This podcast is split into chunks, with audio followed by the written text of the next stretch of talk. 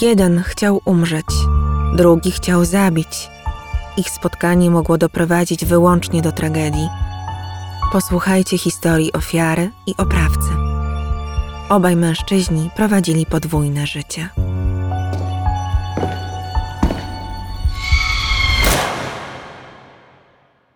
55-letni Detlef Günzel był szanowanym i lubianym mieszkańcem górskiego miasteczka Hartmannsdorf-Reichenau, leżącego niedaleko granicy z Czechami.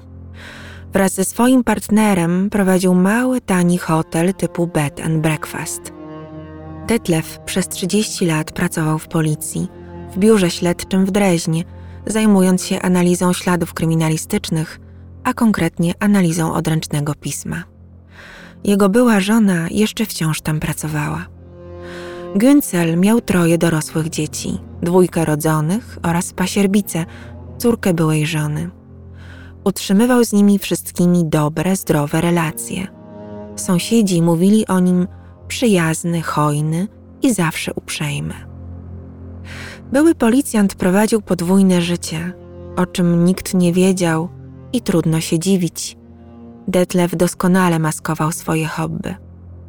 Na internetowym forum poświęconym torturom i perwersyjnym praktykom seksualnym szukał osób o podobnych zainteresowaniach. Na zachętę wrzucał swoje wiele mówiące zdjęcie, na którym jest nagi, ma na sobie jedynie skarpety i sandały. W rękach trzyma topór. Obok na stelażu stoi model ludzkiego szkieletu. W swojej piwnicy w uroczym domu hotelu w Rudawach wybudował studio do praktyk sadomasochistycznych. Tam chciał spełniać nie tylko swoje marzenia. W październiku 2013 roku nawiązał kontakt z Wojciechem Stępniewiczem. Spotkali się wirtualnie na forum dla fetyszystów kanibali fantazjujących o zabijaniu. Bynajmniej nie była to kameralna grupa. Na forum logowało się regularnie ponad 3000 użytkowników. 59-letni Stępniewicz urodził się w Warszawie, studiował na Uniwersytecie Gdańskim. Od 20 lat mieszkał w Niemczech, w Hanowerze. Był biznesmenem. Zajmował się logistyką i transportem ciężarowym ze wschodniej Europy. Jako ciekawostkę dodam, że był członkiem konserwatywnej partii CDU, czyli Unii Chrześcijańsko-Demokratycznej. Od roku szukał chętnego do fetyszystycznego duetu i do zrealizowania jego fantazji bycia zamordowanym i zjedzonym. W wiadomości napisanej do innego fetyszysty w listopadzie 2012 roku, używając nika rzeźnik 755, dopytywał, czy ma on w domu sprzęt potrzebny do poćwiartowania ciała. Działo się to na forum dla kanibali Mięso z Zambii, tym samym, na którym Armin Majwes znalazł swoją ofiarę. O tej głośnej i podobnej sprawie opowiem Wam za kilka minut. Detlef Günzel i Wojciech Stępniewicz wymieniali między sobą wiadomości w prywatnym wątku zatytułowanym Schlachtfest, co po niemiecku oznacza uroczysty posiłek po uboju świń. Günzel przedstawiał się w sieci jako Caligula 31 – Stępniewicz logował się jako Heszla Longpik. Przez miesiąc intensywnie do siebie pisali, dzwonili i wysyłali SMSy. W końcu ustalili datę spotkania w świecie rzeczywistym. 4 listopada 2013 roku, po pokonaniu ponad 400 kilometrów, Stępniewicz wysiadł z pociągu na dworcu, gdzie czekał na niego Detlef. Po przyjeździe do domu Güncela panowie od razu zeszli do piwnicy. Ich umowa przewidywała szybką śmierć. I tyle wiemy na pewno. To, co opowiem Wam teraz, jest wynikiem pracy śledczych i ich rekonstrukcji zdarzeń. Detlef nie bawił się w grę wstępną. Poderżnął Wojciechowi gardło. Albo od razu, albo po kilkugodzinnych torturach. Krew mężczyzny zbierał do starego wiadra. W ciągu pięciu godzin poćwiartował martwe ciało na drobne kawałeczki, a potem zakopał w różnych miejscach swojego ogródka. Zaniepokojona brakiem wiadomości od partnera, rosyjska narzeczona Stępniewicza, Swietłana, zgłosiła jego zaginięcie na policji. Dwa dni później funkcjonariusze wiedzieli już od świadków, że Wojciech od dziecka miał fantazję o byciu zabitym i zjedzonym. 11 listopada zaczęli poszukiwania w terenie. Szybko okazało się, że podejrzany jest tylko jeden Kaligula 31. Policja odnalazła korespondencję mailową i połączenia telefoniczne wykonane do Detlewa. 29 listopada 2013 roku przekopano ogródek Güncela i ujawniono szczątki Stępniewicza. Detlew został od razu aresztowany. W pierwszym zeznaniu twierdził, że sam zabił Wojciecha. Potem jednak zmienił wersję swojej opowieści i do końca dwóch procesów, jakiego czekały, a nawet do dzisiejszego dnia utrzymuje, że Stępniewicz popełnił samobójstwo przez powieszenie. On był jedynie niemym świadkiem. Umówili się, że nie będzie reagował i interweniował podczas agonii mężczyzny. Ciałem zajął się dopiero po stwierdzeniu zgonu. Wojciech udzielił mu zgody na zjedzenie swoich zwłok. Śledczy nie wierzyli w tę wersję. Podejrzewali, że policyjny grafolog nie dotrzymał warunków umowy i przez kilka godzin torturował ofiarę, po czym sam dokonał morderstwa. Również Swietłana nie dawała wiary zeznaniom Detlewa. Twierdziła, że para planowała wkrótce ślub. Jej partner nie mógł się zabić, miał po co i dla kogo żyć.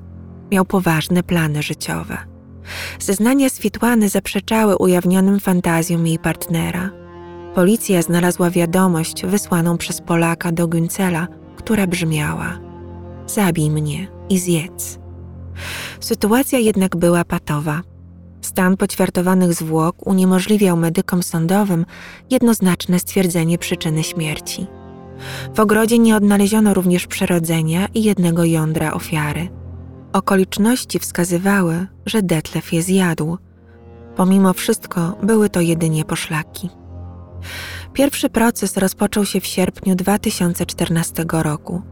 Zeznawało 20 świadków, głównie rodzina i znajomi Detlewa. Nikt z zeznających nie był świadomy, że oskarżony prowadzi podwójne życie. Prokurator Andreas Feron uważał, że Günzel powinien usłyszeć surowy wyrok 15 lat więzienia. Detlef wybielał się przed sądem i opowiadał o swoim porządnym, przykładnym życiu. Dorastał w zwykłej rodzinie. Czuł się kochany i bezpieczny, choć jego dzieciństwo przebiegało w czasach komunizmu w Niemieckiej Republice Demokratycznej. Był na tyle związany z dziećmi, że nawet w tej sytuacji wierzyli w jego niewinność i odwiedzali go w areszcie. Punktem przełomowym procesu było publiczne odtworzenie 50-minutowego filmu. Nagrał go sam Detlef na miejscu zbrodni. Skład sędziowski, obrona, oskarżyciele i osoby na sali na własne oczy zobaczyli ubranego jedynie w bokserki i zakrwawionego Guncela w trakcie ćwiartowania powieszonych zwłok Stępniewicza. Z haka zwisało martwe, nagie ciało ofiary. Usta były zakneblowane, ręce związane na plecach. Oprawca najpierw używał noża, później piły elektrycznej. W tle słychać było włączone radio i dźwięki muzyki pop. Detlef mamrotał. Nigdy nie przypuszczałem, że upadnę tak nisko. Tuż po wyświetleniu jego domowego wideo Güncel oświadczył: Jest mi bardzo przykro. Jestem częściowo odpowiedzialny, ale nie jestem mordercą. Obrońca Endrik Wilhelm mówił, że film dowodzi, iż ofiara sama się powiesiła, czemu stanowczo zaprzeczył prokurator. Każdy zobaczył na filmie to, co chciał zobaczyć i co pasowało do koncepcji obrony lub oskarżenia. Przewodnicząca składu sędziowskiego, Birgit Wigand, powiedziała, że wyraz żalu widoczny na ekranie u byłego policjanta dowodzi, że mało prawdopodobne, iż popełniłby podobny czyn w przyszłości. Kończąc proces, wydała w 2015 roku wyrok 8,5 roku więzienia za zabicie Wojciecha Stępniewicza i zbezczeszczenie jego ciała. Uważała, że w tym przypadku nie można nałożyć maksymalnej kary, bo ofiara sama chciała swojej śmierci.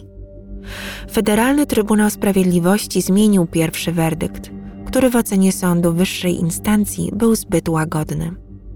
Ten drugi proces zaczął się na początku listopada 2016 roku w Dreźnie. Śledczy zadeklarowali, że podczas pierwszego procesu nie byli w stanie określić przyczyny śmierci z powodu rozczłonkowania ciała. Nie zbadano też sznura, na którym miał się powiesić Wojciech. Jednak i tym razem zapadła podobna decyzja: 8 lat i 7 miesięcy więzienia. A teraz chwila na dygresję, gdyż ta historia szalenie przypomina przypadek Armina Majwesa i Bernda Brandesa. Zapewne wielu z Was o nich słyszało. Był rok 2001. Majwes, programista komputerowy z Rottenburga, fantazjował o zjedzeniu człowieka i intensywnie szukał ochotnika na forach internetowych takich jak Cannibal Cafe czy Flesh and Bone. Przez kilka miesięcy korespondował z 400 potencjalnymi ofiarami i kanibalami. 204 z nich zadeklarowało, że da się zjeść. Armin dostawał wiele wiadomości w stylu: Cześć, to cudowny pomysł zostać upieczonym żywcem.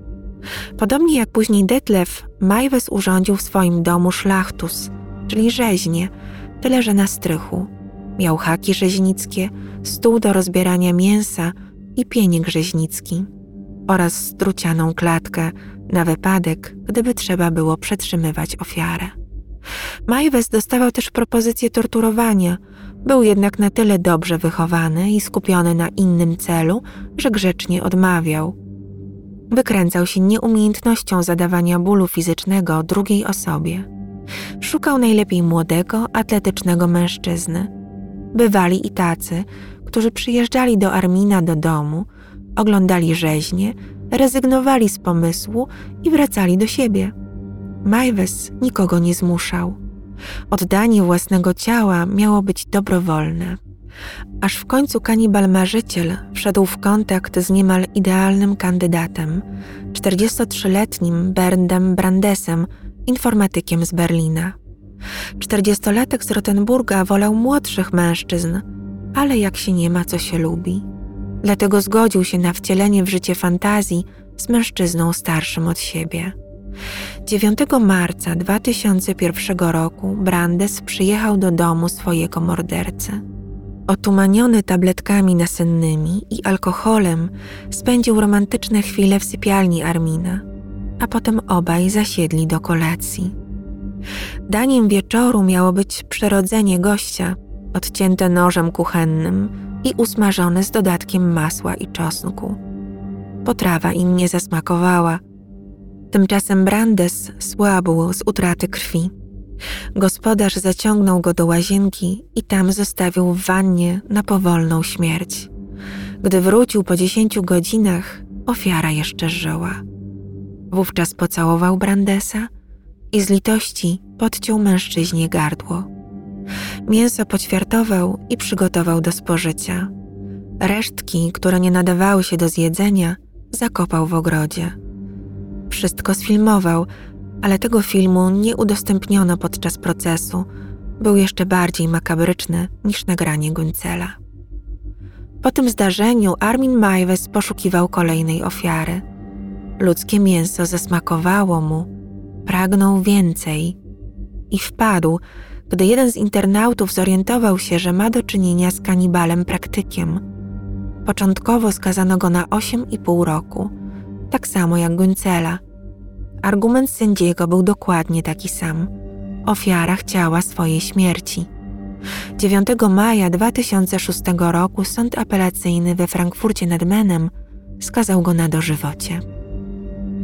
Historia byłego policjanta, Detlewa Guncela, który jest głównym bohaterem tej opowieści, zakończyła się przed sądem 21 lutego 2018 roku. Trybunał Konstytucyjny skazał go na dożywotnie więzienie. Uzasadniając wyrok, sąd wyraził przekonanie, że Detlef nie tylko zaspokoił pragnienie Stępniewicza, ale także swoje własne żądze, co spełnia kryterium morderstwa. Tym razem, przygotowując materiał, sięgnęłam do źródeł pisanych i wideo RTL, The Local DE, West France, Daily Mail, Toronto Sun, The Mirror, BBC News, Le Parisien, Sächsische DE, jak również z książek Dzieje kanibalizmu Daniela Dilla i Marka Donnelly'ego oraz Historii kanibalizmu Natana Konstantina.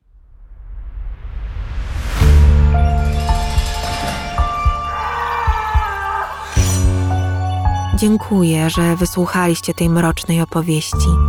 Zapraszam na kolejne. Renata z worka kości.